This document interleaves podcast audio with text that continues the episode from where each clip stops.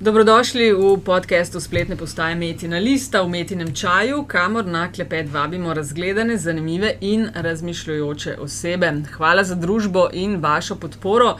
Res je užitek kuhati metin čaj, kar počneva skupaj z Aljažem Pengovom Bitencem, Pengovski na Twitterju, mene najdete pod DC43, Aljaž, uh, živijo.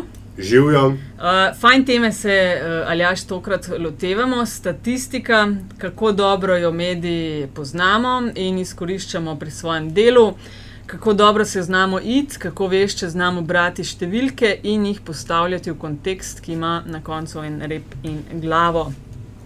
Gosta tokrat kar dva. Tomaš Smrekar, vodja sektorja za posredovanje statističnih podatkov in metod na SURS. Tomaš, živijo. Blazno učeno se sliši ta naslov, kaj to uh, v resnici pomeni. Vodja sektorja za posredovanje statističnih podatkov in metod. To, če kaj rabimo, pridemo k vam. Točno tako, točno tako. In tisti, ker vidite naših podatkov, je šlo tudi vse čez naše roke. Aha, ok, to ja, je to. Se pravi, noč ne more iti gor in na splet in v javnost, da prej ne gre čez klerens prva. Točno to. Točno.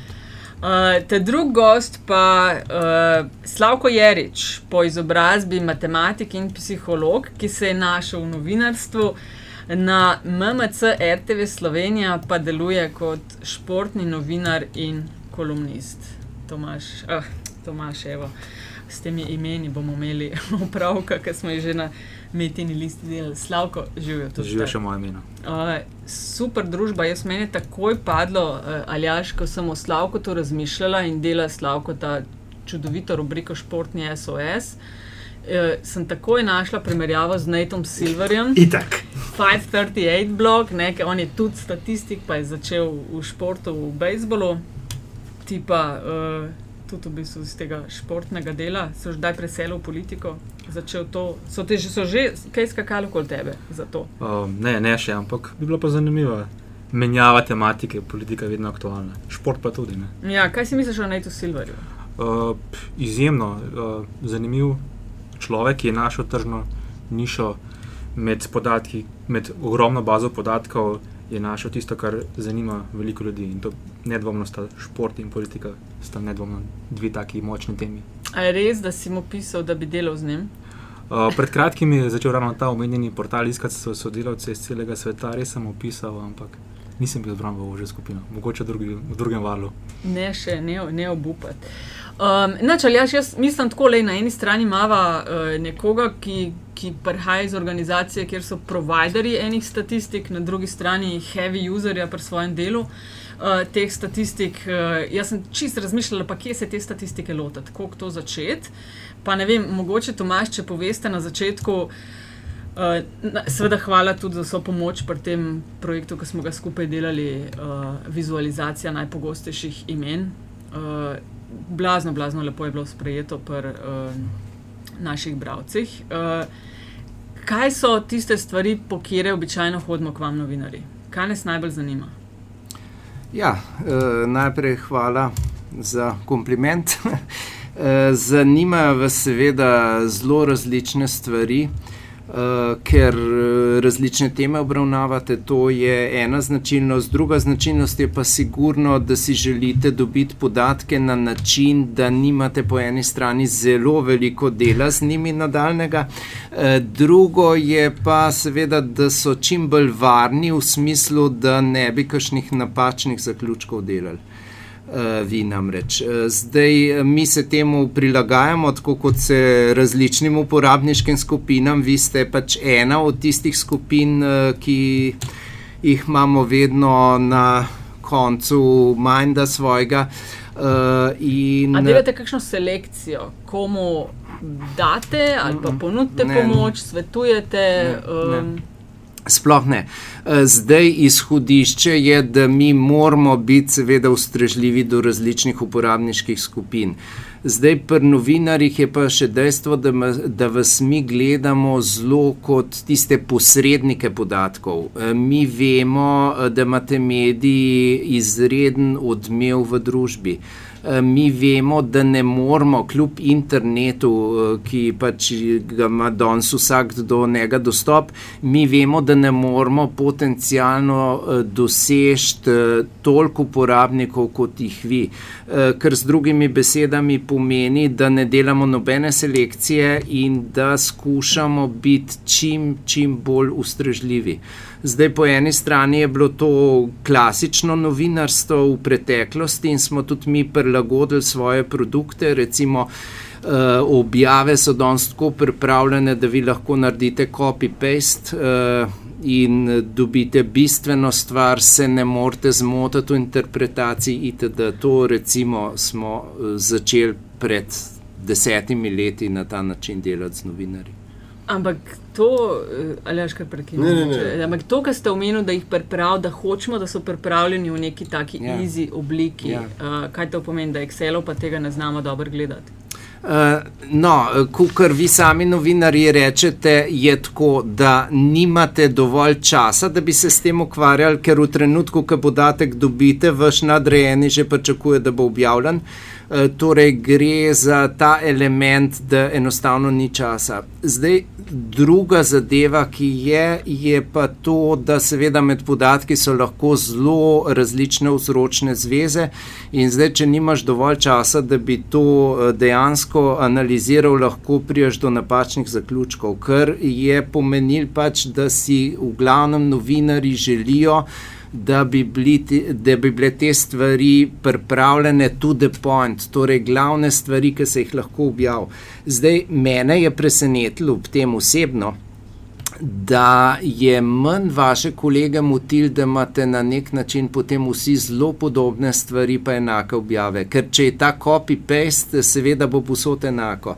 Ampak mi je več eh, vaših kolegov rekel, da ni to bistveno, da, bistveno je, da je hiter in da je pravilno. A ni fino, ko prideš človek iz statističnega urada in po, hm, pove osnovno, osnovni problem slovenskega novinarstva, ta hipna. Um, ja, uh, jaz imam cel kup, cel kup seveda vprašanj, ampak uh, tisto, kar mene najbolj zadnje čase fascinira pri delu statističnega urada, je to, da ste se v bistvu tudi vi sami lotili. Um, nekem, nekega multimedijskega pristopa. Ne. Zdaj uh, opažam, da imate uh, vaše ljudi, ki grejo pred kamero, pa v bistvu to isto, kar novinari potem copy-pastajo, kakšni drugi novinari potem v video obliki dol poberemo, pa naredimo z tega prispevka in tako dalje. A, a, Je tudi to del tega načrta, bom rekel, zagotavljanja verodostojne statistične informacije v medijih? Seveda, eh, zdaj vi se morate zavedati, da eh, v zadju vseh teh naših aktivnosti so eh, ene zelo, bom rekel, premišljene poteze. In uh, mi se seveda danes zavedamo, da nekdo bere stvar na papirju, drug jo posluša, tretjo pa gleda uh, v neki video obliki.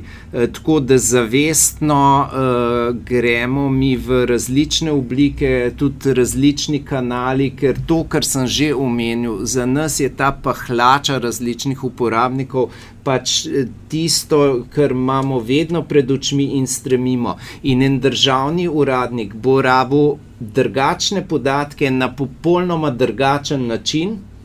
Uh, kot jih bo uh, recimo en novinar ali pa en zvedav državljan.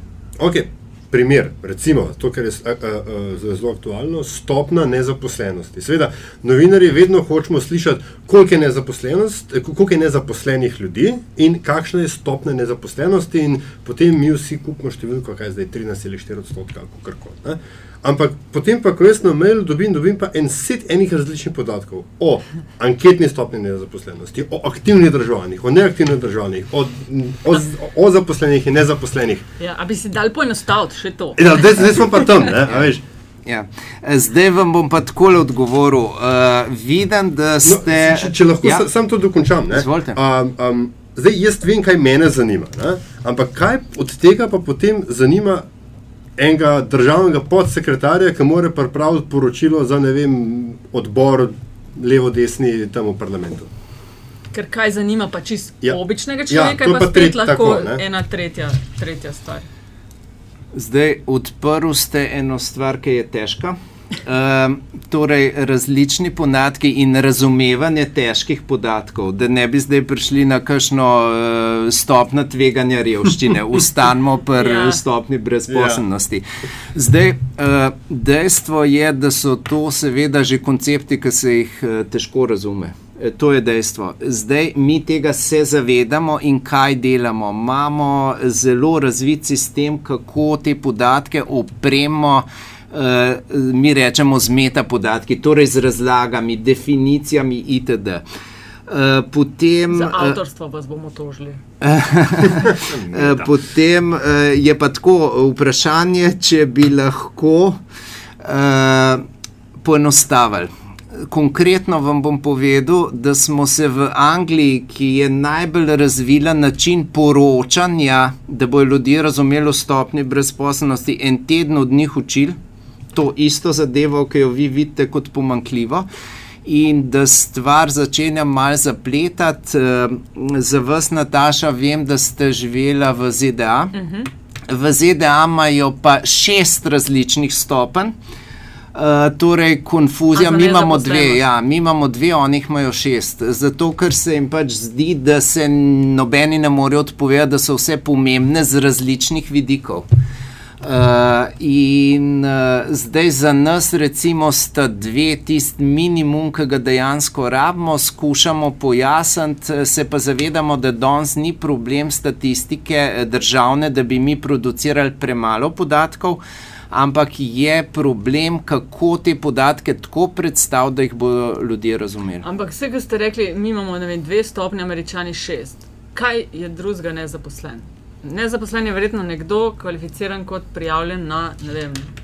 Ne, no, uh, ja. Se me spomni na ta projekt, naš, ki smo ga imena ja. delali. Uh. Ideja, da imamo vizualizirati ja. uh, pogostost imen, pa, pa pridem uh. -huh. na sestank, se pa odprejo lejeri, kaj pa to kaj pa ono, kako bomo pa to upoštevali, kako bomo pa tretje. In vidiš, da je v zadju tak hud mehanizem, če hočeš eno kakovostno informacijo podati. No, koliko je pa pri tem? Uh, ja, eh, tukaj so stvari zelo komplicirane. Predstavljite si, zdaj vi ste rekli, enostavno se ve, koliko je brezposlenih. Ampak. Eh, državna statistika ne bi služila kot eno realno ugledalo. In če bi mi jemali edine podatke iz neke uradne baze, pa govorim tle o svetovnem problemu, ne slovenskem, lahko recimo spremete en ukrep, da naprimer ljudi do 30 let ne damo v bazo, ne študirajo, da se bojo kaj naučili ljudi po 55, recimo, ne damo v bazo, ne uh, se spočivajo, ker so že dosti naredili. In na ta način. Ja, bak, ja. Ja. To, to me zdaj, te, te zgodbe. Ja, kar... Na ta način bi dobili neverodostojne podatke. Zdaj, druga stopna, eh, ki se nam zdi nujno, da jo imamo, je pa ta tako imenovana anketna. Eh, to je po mednarodni metodologiji, eh, sprašuje se na terenu ljudi in so pa tri kriteriji. Ne, ali si ti v neki bazi, ampak ali si zares kaj delal v nekem obdobju, če nisi delal, ali iščeš delo.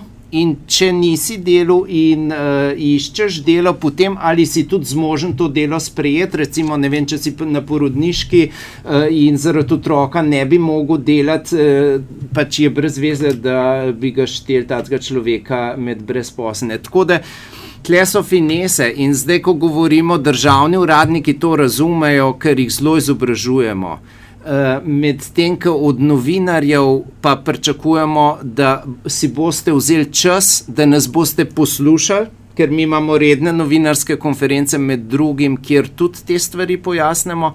Eh, in kot drugo, seveda, da boste najdli energijo, eh, da boste tudi naprej svojim pač bralcem, poslušalcem itd. te stvari prikazali na način, da bojo oni to razumeli. Ja.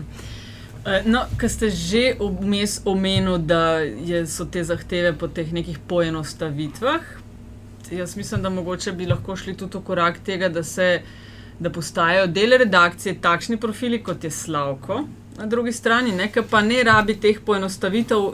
In ne rabi copy-paste delati, slavko, ne? ampak svojo linijo sam poiščeš podatke. Uh, in poskušaš, vem, sam pripeljati zgodbo skozi to. Mim grede med olimpijskimi igrami te je bilo užitek eh, spremljati tvoje tvite in te, te male statistične bombončke. Ja, hvala, Nataša, hvala.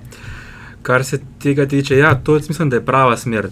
To, kar, smo, kar se govori v številni mediji, ko se razvijajo, ko gre v čas s to informacijsko tehnologijo, govorijo o teh data centrih in podobno tukaj trčimo prvi trg realnosti in želj. Ne. To je, idealen, to je idealen napis, ki si ga opisala. Tudi jaz želim, da bi imel vsako rodništvo takega človeka. Vsaj pet takih ljudi. Med nekim ja. razvijalcem, programerjem, ja. analitikom, ki znaš številke gledati. Ne. Točno tako. Ampak uh, bojim se, da veliko urednikov, ali tistih, ki imajo v rokah finančno vzvode, bodo seveda rekli, da nimajo časa, da nimajo denarja in je seveda hitreje da, na, da zapolnijo svoje vsebine s tem, da reciklirajo vsebine, ki prihajajo iz agencij. To je ena. Recimo, tudi sam osebno sem nekako iz te neke želje in po ljubezni do številk in statistike sem se nekako kopal, kopal, kopal in prikopal do nekega delovnega mesta, ki ga prej niti ni bilo, niti, niti prej ni bil na papirju. Ne. Uh, to govoriš o športnem SOS. Recimo, konkretno o športnem SOS. Uh, Mogoče sem tudi recimo, posluh pri svojih nad, nadrejenih, da so mi v bistvu dovolili neko to svobodo pri delu. Ne?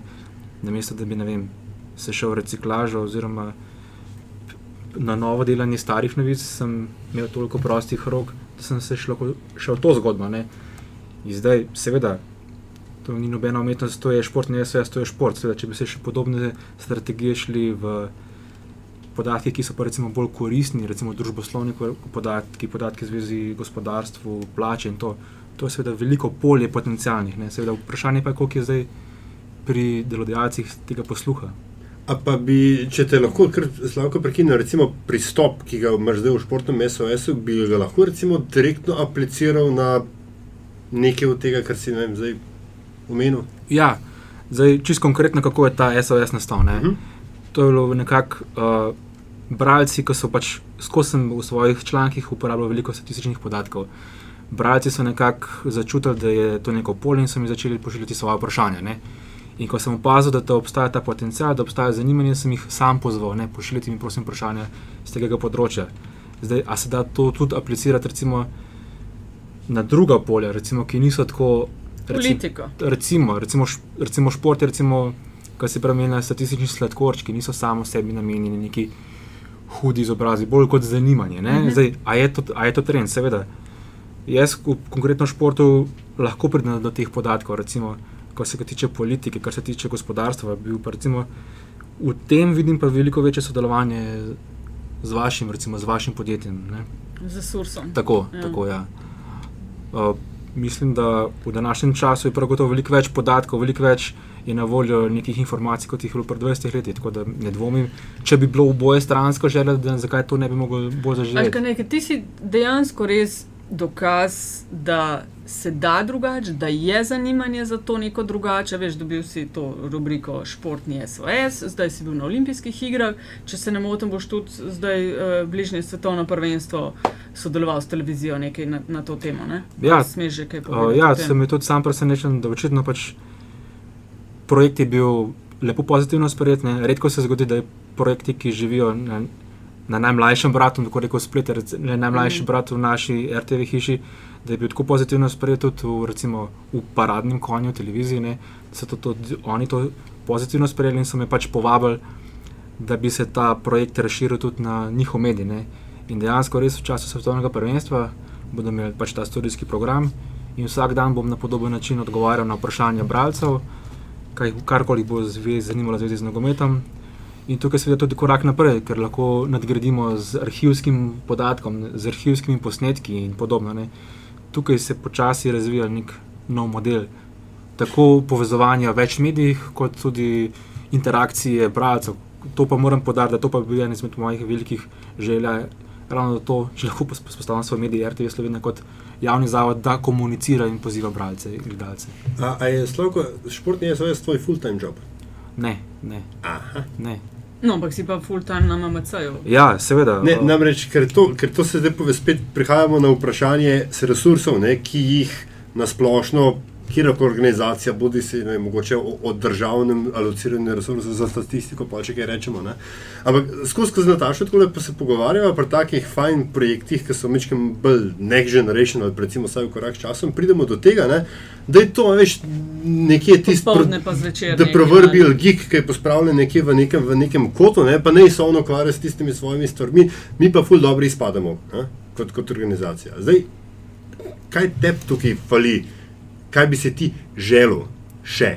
Ja, dolgoročno si prav gotovo želim to, recimo, da bi ta projekt peljal stotno, vse čas, ki ga imam, da bi v tem uh, namenu preusmeril. Ja, imaš prav, ne? veliko takih uspešnih projektov, pa ne govorim samo o športnem SOS, ampak na splošno v Sloveniji se vidi, da je v zadju neka osebna ljubezen, nek oseb, Nek oseben, ja, ja. nekaj, kar te žene naprej. Ne? Da ni samo tisto, pač, tistih, kar si plačan 100 odstotkov svoje službe, ampak da si plačan s tem, ko vidiš, da tvoj projekt, tvoje, da je živi in se razvija. ne. Uh, ja, spet po drugi strani pa spet, kolikšno je interes tvojega delodajalca, da se to naprej razvija. Ker seveda ključno vprašanje je, ne, ko bo Nate Silver odgovoril na mail in ti rekel, prosim, pridi jih meni delati, ne, kdo bo nadaljeval športni SVS? Uh, A je kdo zadnji? Viš super vprašanje, ker smo pa zalažen Vindišem o tem, ki je pisala, kad dnevnik dela. uh, sem eh, poslušal ta pogovor. Ja. Um, Kdo bo naprej delal to? Uh, bojim se, da te bo če, bi, enkrat če bi to prišlo. Ja. če bi do tega prišlo, mislim, da se bojim, da bi projekt zamrl. V tem trenutku mislim, da bi projekt umrl. A si, joj, kar malo nam je dol padel, ne? ampak Mogoče bi pa zaživel drugačen oblik. ja, ja, dajmo na pozitivno not. Ampak a si, veš, kaj smo pri tem, a si bral kaj programe teh, ki so kandidirali zdaj za uh, generalnega direktorja oziroma direktorca RTV? No, povej mi, če si Uh, pogledal, kaj Ja, je, s- imamo moram priznati, da sem na hiter preletel in dobro, da si me to vprašali. Uh, recimo tudi tukaj se vidi, kako statistiko lahko objektivne podatke izrabiš sebi pridne. Recimo primerjal sem program uh, gospoda Filja in gospe Pirc Musareve, ne. oba sta. Pazi, kaj boš rekel. Uh, ne, bom čisto objektivno povedal. Ne. Uh, oba sta pri svoji predstavitvi podala podatke razvoja gledanosti. Ne. Uh, Nataša Pirc Musar je pri tem, mislim, da je naredila krivuljo med 2004 in 2012, ne. seveda, kjer je opaz, uh, opazen padec gledanosti. Ne. Gospod Filip pa je uporabil nek drug časovni aspekt, ki pa kaže, kako je v času njegovega mandata gledanost rasla. Ne. Seveda, tudi to mi je zelo fascinantno, ker imata oba prav. Ne. In to me zmeraj zelo zanimivo, kako lahko neke objektivne podatke obrneš v sebi prid. To je zelo zanimivo. In potem pridemo do tistega klasičnega, ne, da pač, eh, kako že, uh, lies, them lies and statistics. Ne. Ja, a je to, vi, ko opažate, recimo, kad date kakšne podatke, to imaš iz svojih rok, surs, pa vidite po različnih medijih, da različno vam pridejo, različne stvari poberejo iz tistih lestvic. Pa, Uh, ne, niti ne. Uh, ne. Zelo podobne stvari. Ne bom se zdaj vračal na začetek, pa ne vem, mogoče še v kašljene lobby ali kar tacka, ampak eh, ne, približno enake stvari pridejo ven. Ne. Se pa treba zavedati, da to prekletstvo, uh, ki ga je Slavko omenjal, uh, da bo en podatek imel pač totalno različno implementa implementacijo, s tem mi živimo pač desetletja že. Uh, Veliko pa delamo na tem. Ne. Tle so pristopi in to je uh, pač delo s samimi temi ljudmi, ki interpretirajo podatke, da jih sploh razumejo. Uh, tako da v zunanjem svetu smo, uh, smo prisotni tukaj. Recimo, če dam en konkreten primer, z začetku 90-ih let, tripartitno dogovarjanje v Sloveniji, delodajalci, sindikati, vlada. Uh, v prvi fazi so se najprej na sestankih, večino sestanka. Pogovarjali ali pa pregovarjali, ker je vsak s svojimi podatki prišel, kje podatki so pravilni. Kasneje smo skupaj uspeli doseči, da so uradni statistični podatki tisti, na katerih slonijo pogovori in jim seveda tudi razložili o podatkih, to, kar sem že prej meta, da še enkrat reklamo delamo, meta podatki, eh, kaj podatek dejansko pomeni. E, tako da na tem veliko delamo, smo celo zavezani po zakonu, da če bi prišlo do napačnih interpretacij, e, da e, bi morali odreagirati. Ne. V kakšnem smislu?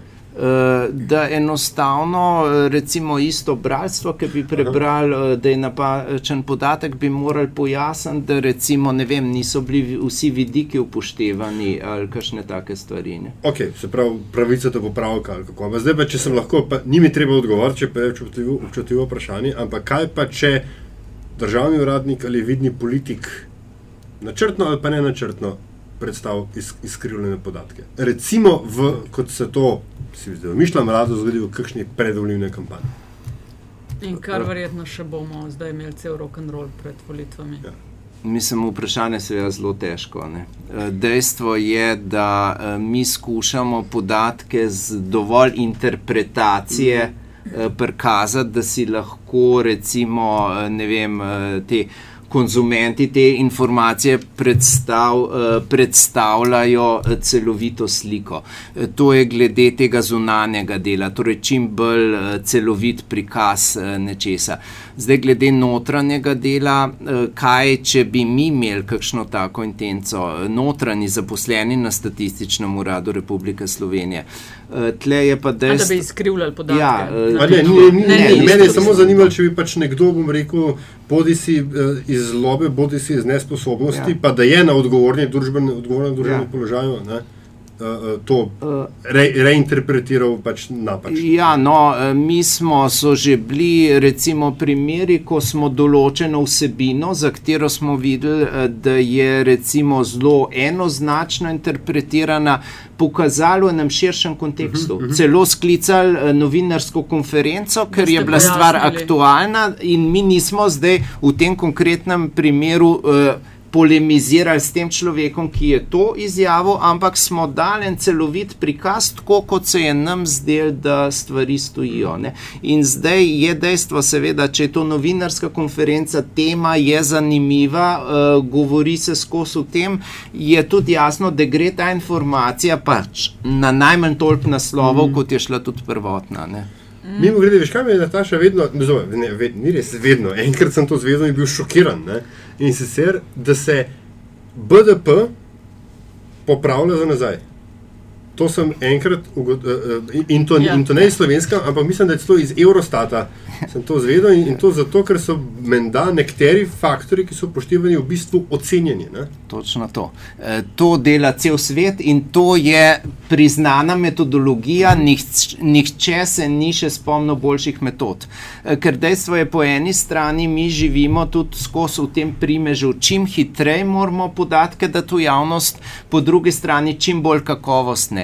In uh, tukaj je iskanje balansa, in v nekaterih primerih, kot je ta GDP, ki ste ga omenili, so enostavno je cela metodologija tako postavljena, da se čim hitreje objavi, potem pa upošteva še ne dodatne informacije.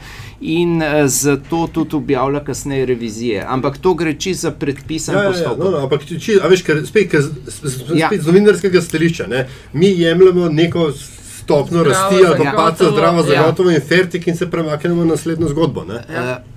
O tem, o tem govorim, to zdravo za gotovo, da mi eh, skušamo pojasniti, koliko so te stvari zdrave za gotove. Eh, in eh, je seveda zelo težko. Jaz se spomnim, bom spet na ameriški primer. V Washingtonu sem imel enkrat priložnost biti na novinarski konferenci, kjer so objavili stopno brezposobnosti. Ta se je sicer številka rahlo spremenila, ni pa bilo to statistično značilna sprememba.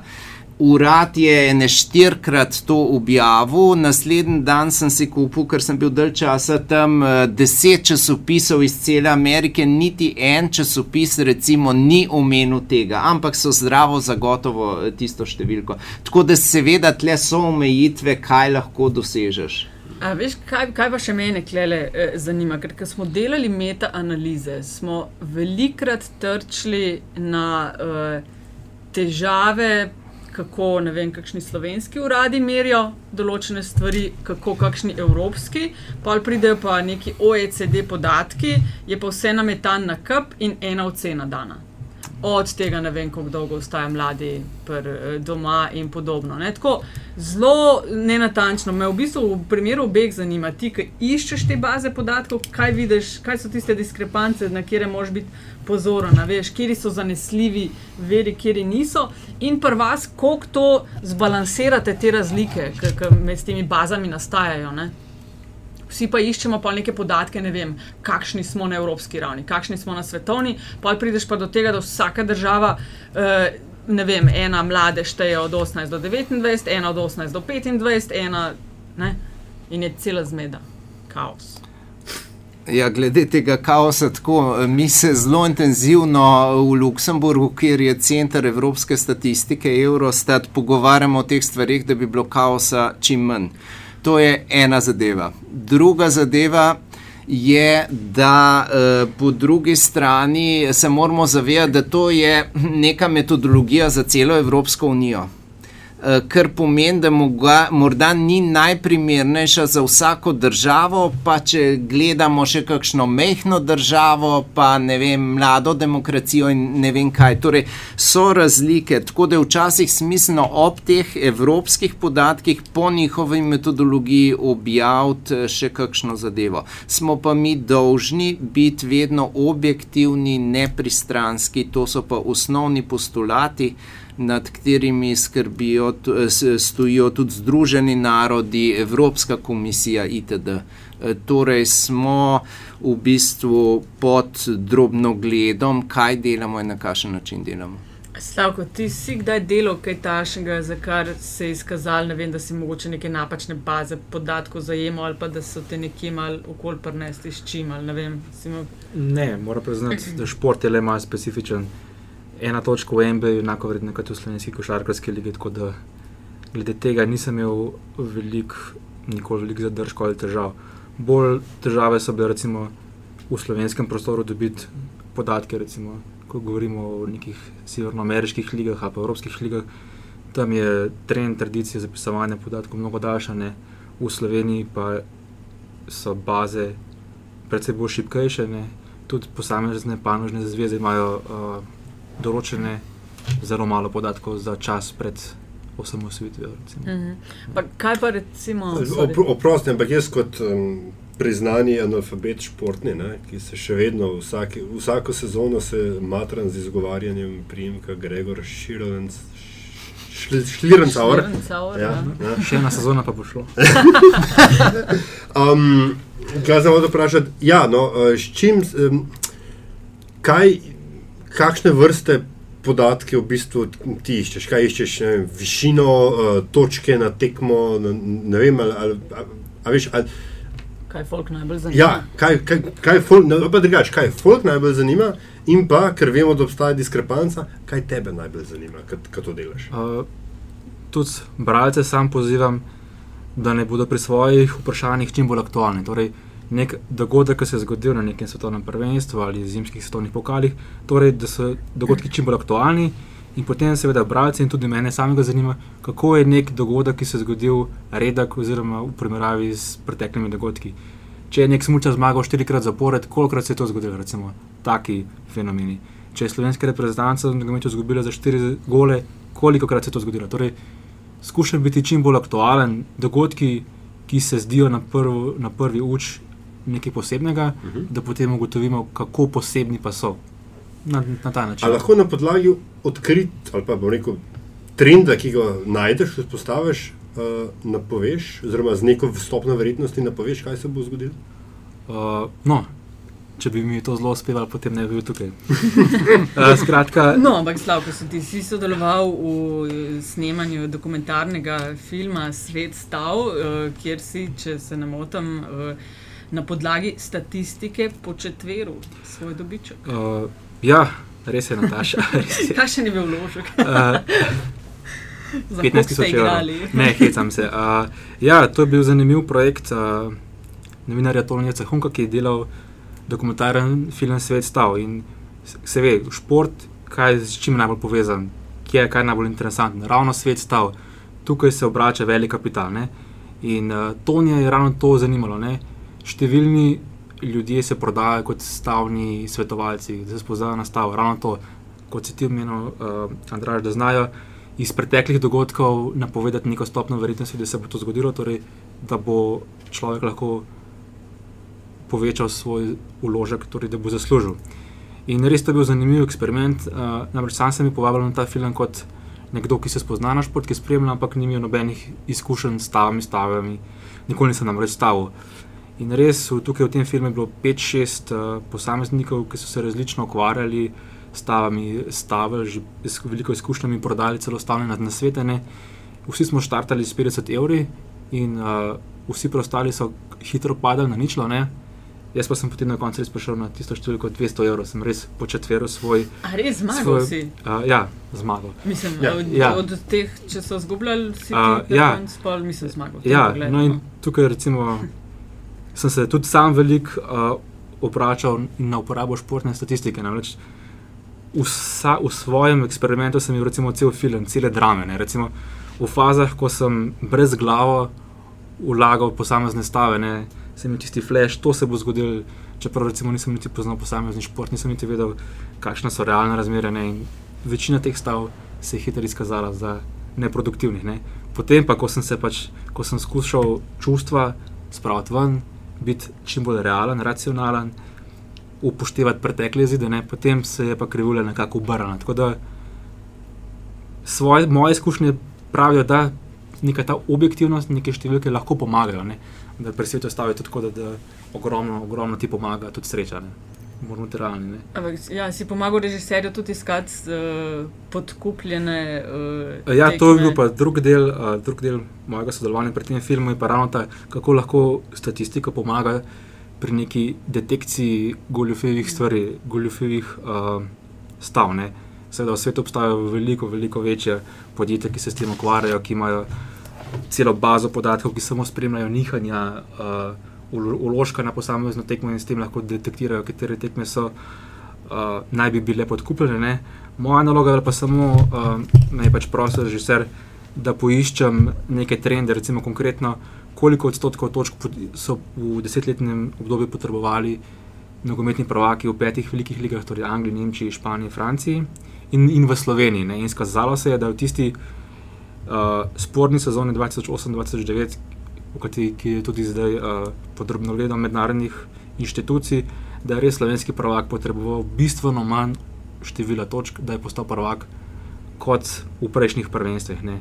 In podobno tudi za tenis, koliko je bilo prebratov iz nič ena na dva ena. Torej, ti goli podatki, uh, če jih je veliko, ponujajo res pravo polje, se človek lahko igra in išče različne vzorce in trende smo že pri provokaciji in de detektiranju uh, lažiranja.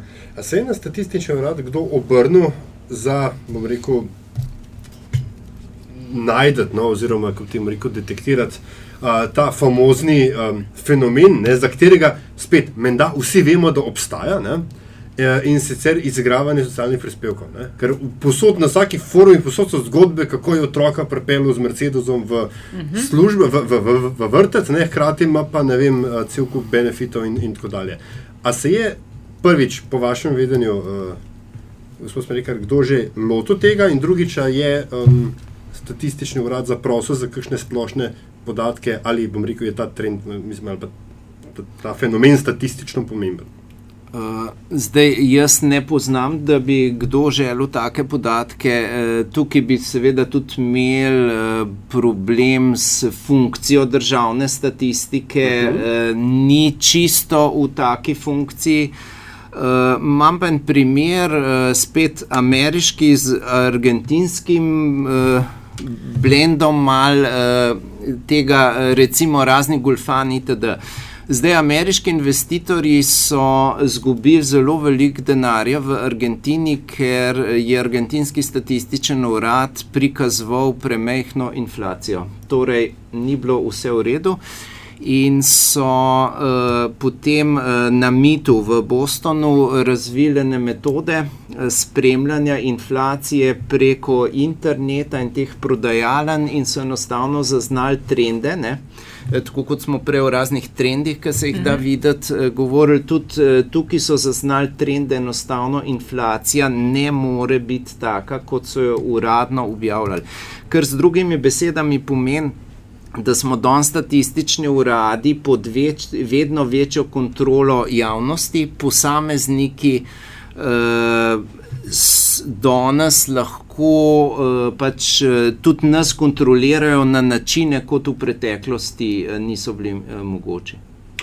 Um, kaj pa recimo je uh, najbolj iskan ali pa drugače citiran podatek? No? Ker, okay, Nezaposlenost smo že omenili, ampak včasih ne, je bila tista mitska številka, ki smo se jo v tem prostoru vsi bali, inflacija. Ja. Kaj pa je danes? Uh, no, mislim, inflacija je še zmeraj presenetljiva, čeprav uh, ni mitska že kar nekaj let, je pa seveda GDP, javni dolg. Eh, potem vedno znova so aktualni različni demografski podatki, število prebivalstva, umiranje, rojevanje, migracije. To je vedno aktualno, no in vedno bolj pa opažamo še eno stvar, to so pa, če hočete, lokalni podatki. Uh, dejstvo je, da ljudje živimo v enih uh, manjših celotah, ki so morda tudi različne, kot so administrativno razkosana država in da ljudi seveda to neposredno okolje, v katerem bivajo, eh, zelo zanima, vedno bolj, eh, tako da teh eh, poizved imamo vedno več. In mi se tudi prilagajamo temu, tako da je vedno več storitev tudi na te mehke geografske enote uh, prikazanih. Mm -hmm. Ja, pa spletno stran morate posodobiti, ker je res. Uh, če sem Super nežna, je, eh, zelo težko pregledna. Ja, spletno stranjo. Ja, veliko delamo. E, mislim, mi se seveda zavedamo dveh stvari okrog spletne strani. Ena pozitivna stran je, da je ogromen podatkov. Ne. Ogromen podatkov, tudi opremljeni, bom vedno znova v nasmeh, uh, pač prklicu z meta podatki. E, torej, ogromno podatkov je pa dejstvo, uh, da je slabo pregledna. No, mi že tri leta prenajamo prenavljamo to spletno stran in septembra letos bomo jo izdali pač v prenovljeni obliki. Tega se Aha. zavedamo, je pa dejstvo, pač, da vseh stvari ne moreš uh, naenkrat urediti. Kaj bi vedel, koliko jaz vas razumem? uh, hvala. ja, zaradi tega sem tudi vprašala, ker recimo en res nor. Noro dober projekt imate, ki ga boste zdaj nadgradili, sicer, ampak če najprej omenim tega, Kasper. Uh mhm. -huh to je mogoče človek biti že kar orang rodarja, da je to našo sploh na strani. Uh, sam beseda dve, če poveste o Kasperju, pa pa o tej zverini, ki prihaja za Kasperjem in se reče stage. Uh mhm. -huh. No, eh, zdaj, tle se bom navezal na prejšnji odgovor. Ti lokalni podatki, vedno večje zanimanje lokalnih podatkov, po drugi strani za te podatke se zanimajo, ne zanimajo samo neki, ne vem, upravljavci v tem lokalnem uh, okolju, ampak vedno bolj ljudje, torej vsak uh, med nami. Tako da smo mi, uh, ko se je razvil internet, recimo pred sedmimi leti, vzpostavili prvi, tako imenovan, to so atlasi v bistvu, prvi statistični interaktivni atlas na spletu. Stvar je bila tako uspešna, da imamo citiranega v raznih medijih po celem svetu. Eh, potem je prišel na vrsto tudi s tem znanjem, ki smo ga imeli, ta Kasper, eh, kar pomeni, da lahko eh, določene podatke si pač sam zbereš za teritorij, ki tebe zanima. Zdaj ta steče pa seveda reživalne. Tle je pa treba reči, da že Kasper velja v statističnem svetu za najboljše urodje na svetu, torej nisem se zagovoril, to je top of the world. Ne, ne, ne, ne. To je top of the world, s tem, da steč ga bo še bistveno nadgradil. Eh, zdaj steč eh, po eni strani bo izredno enostaven za iskanje, po drugi strani je velika stvar, ki bo za vas novinarje in podatkovne novinarje zanimiva masa teh podatkov bo ogromna, ker smo zavestno uh, pregledali vse podatke, ki so v okviru državne statistike primerljivi za prikazovanje na lokalnem nivoju. Eh, tako da eh, dobivajo uporabniki na enem mestu enostavno vse, kar je smiselno lokalno prikazati, ne samo od statističnega urada Republike Slovenije, tudi od poblaščenih izvajalcev. Recimo zdravstveni podatki bodo noro zanimivi. Koliko kazalnikov boste imeli različnih? Uh, zdaj to bo v različnih fazah, ampak ne vem, sigurno 130 v končni fazi ali še več. Uh, tako da uh, zdaj lastnosti tega bojo tudi, da boste lahko videli v časovnem obdobju, torej kako so se stvari v določenem teritoriju spreminjale in da v bistvu je velika noviteta, da si boste lahko sami zbirali teritorij. Torej, lahko si boste zbrali, kjer delček, kako vas zanima. To prihaja v korakih, ne bojo čisto vse te stvari eh, zdaj v petek, ko bomo to lansirali, ampak počasi v korakih eh, prihaja še aprila, precej stvari. To na občini, recimo na javni četrtni skupnosti. Eh, še bolj podrobno. Določeni podatki bo, bodo, so tudi že v Kasperu na 100 krat 100 metrov. Govorimo o določenih podatkih, eh, tukaj se moramo seveda zavedati zavedati statistične zaščite, kar pomeni, da mi nimamo pravice razkriti kakršnega koli podatka o osebi ali pa o podjetju. Eh, pomeni, da moramo te uh, podatke primerno obdelati, ampak nekateri te osnovni so tudi eh, na mreži 100x100 metrov, kar je za nekatere uporabnike, ker danes se pogovarjamo pač veliko o novinarjih, ampak v različnih uporabniških skupinah. Tako da potrebe so različne za razne planerje in take stvari wow, si lahko predstavljate. Zlata jama, zate slavko. Uh, ja, to je. Ja, ampak to res omogoča, ja. mislim, to Čak, je kar strah lokalne, ja. lokalne volitve so jesen. ja, točno, še ne, za to. Potem bom seveda še naprej govoril, to urodje, zdaj če rečem, da je že ta staro, ta prvo na svetu, pol, to, ta stage mora biti še kaj več. Ne, se ne hvala. Ne, ne samo dejstva, dejstva prepotujem. To je statistično. To je zelo objektivno. Uh, obstaja Evropska direktiva Inspire o prostoru.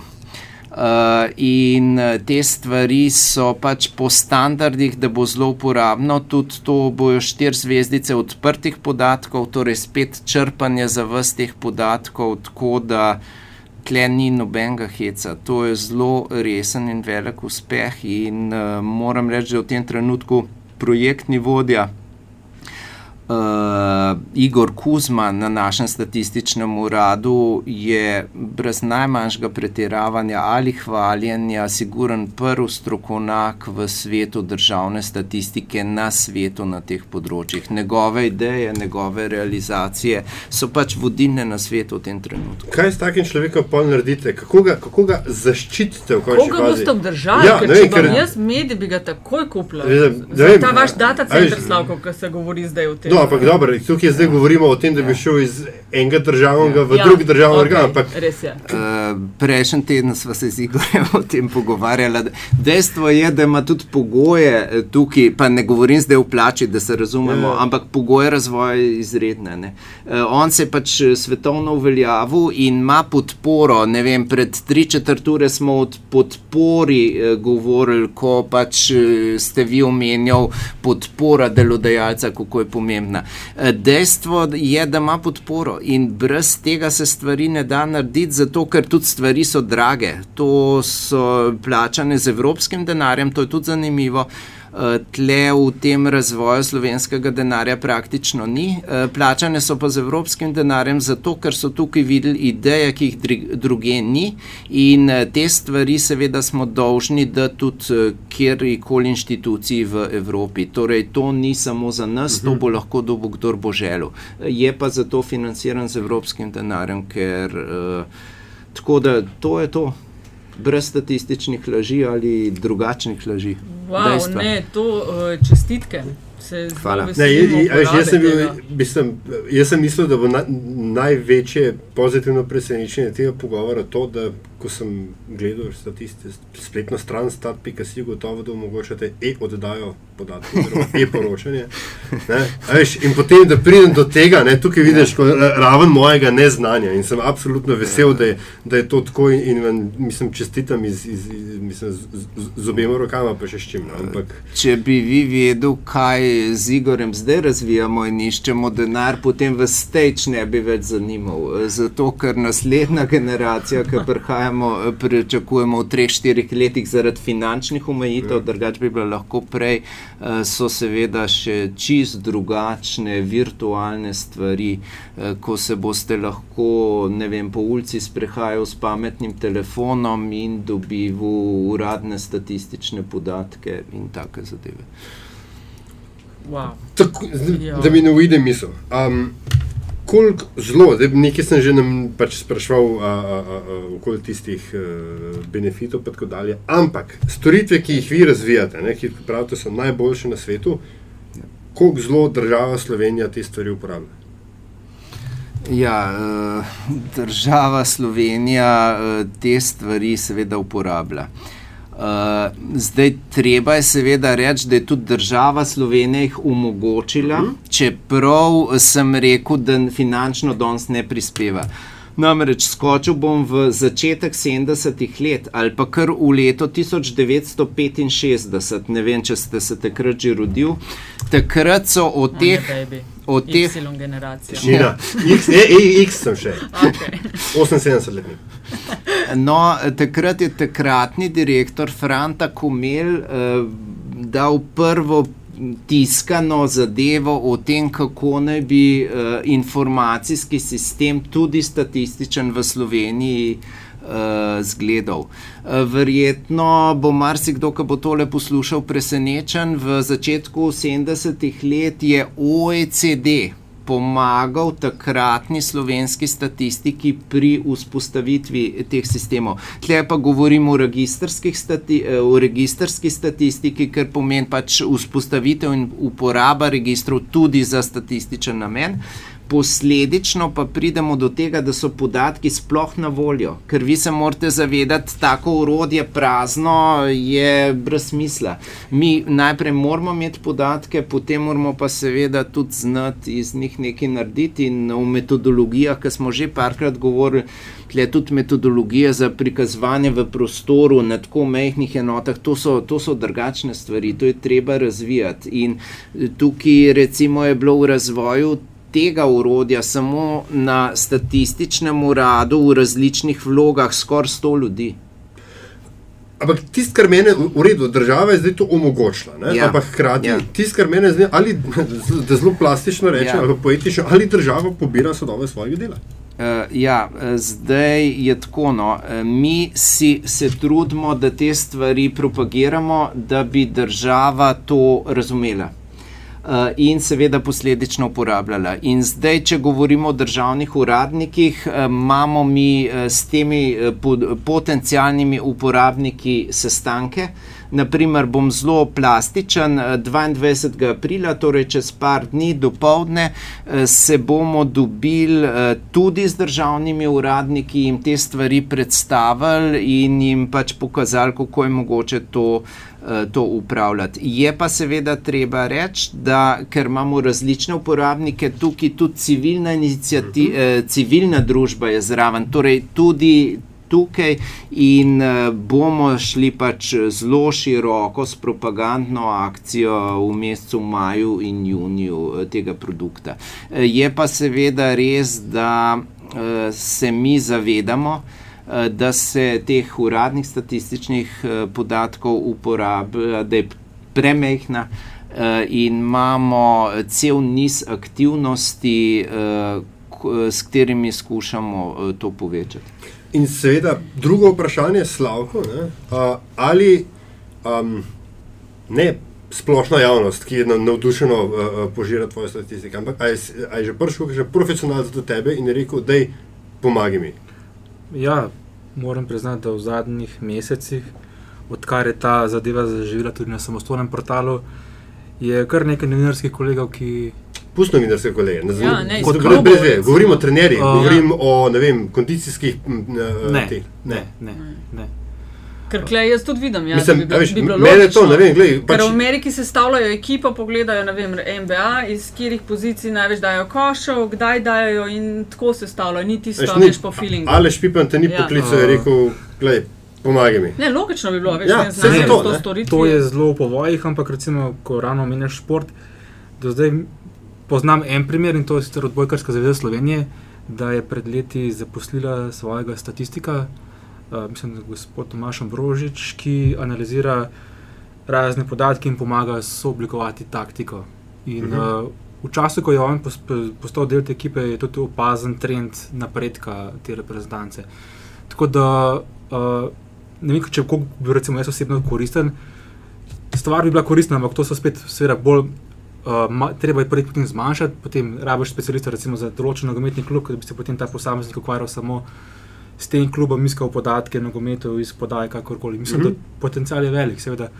Bo, ko bom ravno menimo slovenski šport, recimo, spet bom zapadel v to paradigmo stroškov. ne. Recimo, meni osebno se tudi zdi zelo koristni psihologi, ne? pa maserji, pa take stvari. Ampak ko, ko kršijo stroške, so prvi na, na tapeti, da prekrižaš ti statistike, da prekrižaš, da prekrižaš psihologa in, in tako naprej. Tako da je to ideal, ideal. mislim, da v tujini se tega poslužujejo. ne. Pomagaj temu, da mi se vidi, če na krling zvezi lahko kaj prodam, ne, z, z, tega vica. Ker To je, to je pa važno, ne veš, kdo z kere pozicije, koliko kdo to hitro meče. Ne. Mislim, to je ne, veš, super se mi zdi, pa če čez malenkost se vrnem na začetek, pa gremo pa na zanimivosti. A veš, ko sem ti omenjala Neita Silverja. Ne?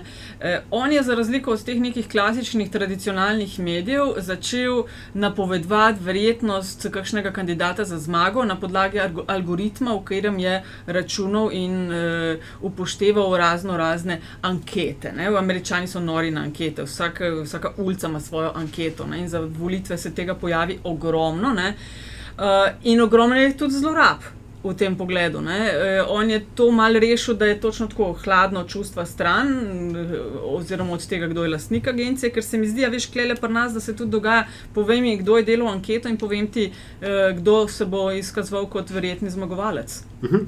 Ne? A veš, to se mi zdi. Uh, Ne vem, velika priložnost, ki jo ali ne, ne vidijo, ali ti opažaš, da vsem so malce spremembe, ki se praviš, da je v povojih vse skupaj. Ne? Ampak vsem neko zanimanje za te stvari, meni se dozdeva, da, da raste. No. Raste, pa ko bo prišel prvi tak praktičen primer in ko bo tudi predstavljena pozitiven vpliv tega. Zato moraš ja. volitve čim prej delati. a Ne? No, kaj mislite o teh anketah? A to tako gledate kot statistika? Se a- odprete cajtek in se burhnete to V smeh. smeh. A pogledate, kdo dela anketo, je to važno. To je zelo važno, seveda. To je zelo važno. Ne, dejstvo je, da so razlike v kakovosti. E, Je pa to e, pač velikrat napovedovanje. Tisto, kar ljudje potem e, najbolj opazimo, so te napovedi. In smo že rekli od napovedovanja, kako je to zdaj en plastičen primer. Je to je tako, kot da bi gledal nazaj, pa avto naprej vozil. Ne? Torej, nekaj nazaj gledaš, voziš naprej. Tako da, ja, seveda, sam eh, zdaj eh, to pa ni domena, to sem zdaj le seveda privatno povedal, to ni stvar eh, statističnega urada. Mi eh, sicer določene analize volilnih rezultatov delamo, bolj z tega demografskega vidika in take stvari, ne pa eh, to, o čemer smo zdaj No, ampak to govorili. se mi je recimo zdelo pomembno, kar si je veš, ti izpostavil, tudi na koliko natančno bodo podatki, a veš, in koliko država a, veš, uporablja. Prvič to, ne, drugič pa, ker smo že pri trendih in tako dalje, ne, veš, jaz se skoraj vsake državno-zborske volitve na blogu sem mičken zabavam, ne, z pripisom, da je neznanstveno in brez veze, pa vendarle vse te ankete, ki so javnomnenjske, predajam na kupčke. Ne, in pa jih pa lahko dejansko mičken sortiraš po isti agenciji ali po, po istih, istih playerjih in tako dalje. Ne, in dejansko vidiš to, da je čist konkretno en časnik in ena agencija, ima to, imajo vedno outlierje. Ne, tako, totalno, za 5 do 6 odstotkov. ne. In, in kaj pol, a veš, a je to relevantno, ni relevantno, a je geografsko relevantno, mogoče imajo drugačen vzor, veš, se take stvari se ti pol metodološko, pa jaz sem in glede stati- statistiko pogrdno v prvem letniku, tako da čez kakšen To je bil prvi predmet, ki sem ga jaz naredila.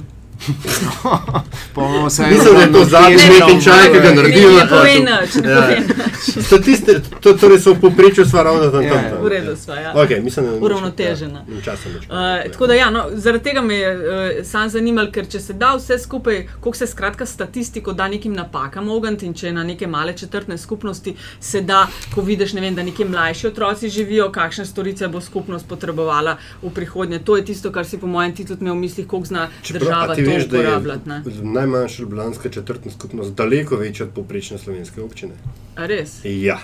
Koliko je to? Ja, poprečna slovenska občina ima koliko? 2000, pa še nekaj prebivalcev? A res, sam Ja. ja. tok. Jaz sam vem, da prihajam iz največje geografsko, največje občine Geografsko v največje. Sloveniji. Ja. Tako da imamo zlato medaljo v tem pogledu. Ok, gremo. A, bi še kaj hotla, preden uh, greva eh, na podrobnosti? Uh, sta še kaj bi? Ne, ok. Pol pa kdo začne prvi. Uh, ponavadi pač skušamo te podcaste končati z neko zanimivostjo, zvedeti nekaj, kar uh, je vama jasno, veste, pa večina mogoče ne ve ali pa postrež s čim takim. Tell me something I don't know. Okay, bom jaz najprej povedal eh, dve, dve taki stvari. Ena je zelo povezana ali pa popolnoma z gospodom Jeričem. Zdaj, eh, jaz sem že omenil, da na statistiki eh, na, imamo zelo velik izziv, kako na razumljiv način prikazati podatke, kje informacije, kako celovitost itd. Uh, moram reči, da kljub temu, da sem našega ho hokejskega asa Anžeta Kopitarja že v živo videl gledati in sem bil seveda popolnoma fasciniran, kako igra, uh, mi je ena stvar, dokler nisem vaših podatkov gledal, ni bila jasna. Namreč vedno se mi je zdel, da je rahlo slab v izvajanju kazenskih strelov. Na podlagi vaše statistične analize sem spoznal, da je deseti igralec NHL vseh časov v tej prvini. E, torej, enostavno zaradi uporabe te vaše statistike e, je moja realnost malo bolj točna, kot bi bila sicer. Druga zadeva je Lepa. pa. Lepa ja. zanimivost. Ja. Ja.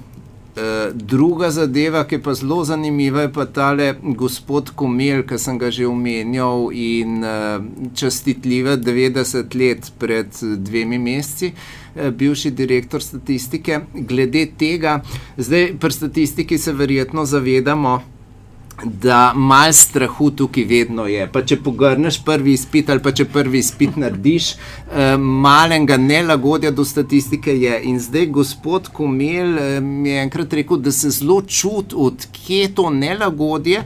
Z ozirom na to, da mi statistiko v vsakodnevnem življenju skozi uporabljamo, mi procesiramo podatke, recimo o družinskih odnosih v službi, in vemo, če boš partnerju rekel to, se bo zgodil to ker se je že tokrat zgodil. Če bo šefu tako odgovoril, boš preživel, če boš drugač, ne boš. Torej, mi v bistvu statistiko zelo uporabljamo, se je pa nekoliko bojimo, no in uh, zdaj uh, mi skušamo pa kot statistični urad te bojazni nekoliko odplakati tudi na način, da predstavljamo podatke tako, da so recimo manj statistični kot številke, pa bolj vizualizirani, eh, ker si pač podobe v različnih oblikah eh, velikrat lažje predstavljamo.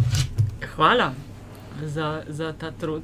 Mislim, se pozna, se mi zdi, da, da je videti, saj jaz lahko iz teh lastnih izkušenj. Ne, jaz iz, iz, iz dnevnih uh, Ja. uh, produ, produkcije vaše, pa to, pa to že nekaj časa delam, uh, dejansko je dosti bolj rekel, uporabno z mojega vidika, pa bolj razumljivo. Tako da tukaj, Tam za ja, tako. Slavko, Ja, moram se najprej zahvaliti gospodu Smrekarju, tudi profesionalci na tem področju, ki pametnega najdejo v tej rubriki kot je športni SOS. Uh, tudi sam sem pripravil dve zanimivosti. Ena je zelo praktična in oprijemljiva, druga pa je popolnoma nasprotna. In sicer prva je, bližje se svetovnem prvenstvu v nogometu. In seveda ste že najbrž vsi opazili, krožijo ti albumi in sličice Mhm. nabiranje nogometašev. Uh, ta album premore 640 sličic, vsaka sličica stane 12 centov. Ne? Zdaj rečemo, če posem po naključju kupiš te sličice, kakšna je verjetnost, koliko sličic moraš kupiti, da boš napolnil album s 640 sličicami. Kaj se vam dozdeva? Gospod O. Smrka prav gotovo je. Čak, glede na to, da smo za nogomet za punce te, te zbirali, kar neumni. Pa menjali, ampak to se zdaj pogovarjam, če pa Popolnoma kupuješ. Ne, da kupuješ, menjaš, pa ja. izmenjuješ. Kaj pa vem, deset na ena? Torej 640 jih, Ja, se jih pravi, potrebuješ. rabim 6400. Jaz bi rekla, da še več. Gospod seveda ve. Uh, ne, jaz ne vem, bi pa rekel bistveno več, ker ja. Ja. se spomnim od kraša životinsko carstvo. To je takrat, ko je bil komer direktor, še ni bilo tle. Top. Torej, ko sem ti zbiral, sem moral bistveno več kot deset Ja, ja. za eno, če bi hotel do vseh priti. Andraš je bil predvsej blizu 4100 in še nekaj sličic. Ne? Seveda, če bi vse zadev naravnost, bi to bilo 77 evrov, zdaj, če po naključjih zbiraš približno 500 evrov. Seveda, nihče ne da 500 evrov, to je tukaj potem Ja, menjavanje sli, menjavanje. menjavanje sličic, tako zanimivo. A, ampak ene 500 evrov, če bi hotel Ja, povsem po po poti naključju. Torej, Džabe. zdaj, Skoraj pol povprečne plače slovenske. Ja, zdaj smo zbirali sličice, zdaj pa zbiramo same sebe. Ne? V zadnjem času se veliko prebiram, čitam o vesolju. Ne? Živimo v enem vesolju. Ne? V zadnjih letih pa nastajajo teorije, da živimo v bistvu v multiverzumu, torej v več vesoljih. Ne? Torej obstaja, če prej obstajala verjetnost, da naberemo vse sličic, potem tudi obstaja verjetnost, če obstaja multiverzum, da obstaja več vesolj. In majhna verjetnost, kakršna obstaja, je, da v enem od teh majhnih usporednih vesolj obstaja ta miza, tam sedijo Tomaš, Andraš, Nataša in Slavko in se prav isto pogovarjajo. Majhna verjetnost. in ne samo to, ne. še manjša verjetnost obstaja, da imajo vsi štiri albumi, v katerem so napolnili čisto za sličice. Slavko, super, hvala za zanimivosti, Tomaš, uh, tako isto. Uh, A veš, da je tole bil, mislim, da še vedno najboljši kmetin čaj, ki so ga skuhali. Smo ga skupaj skuhali. dober je bil, uh, mene je blazno veselilo, super, super podatki, super insights.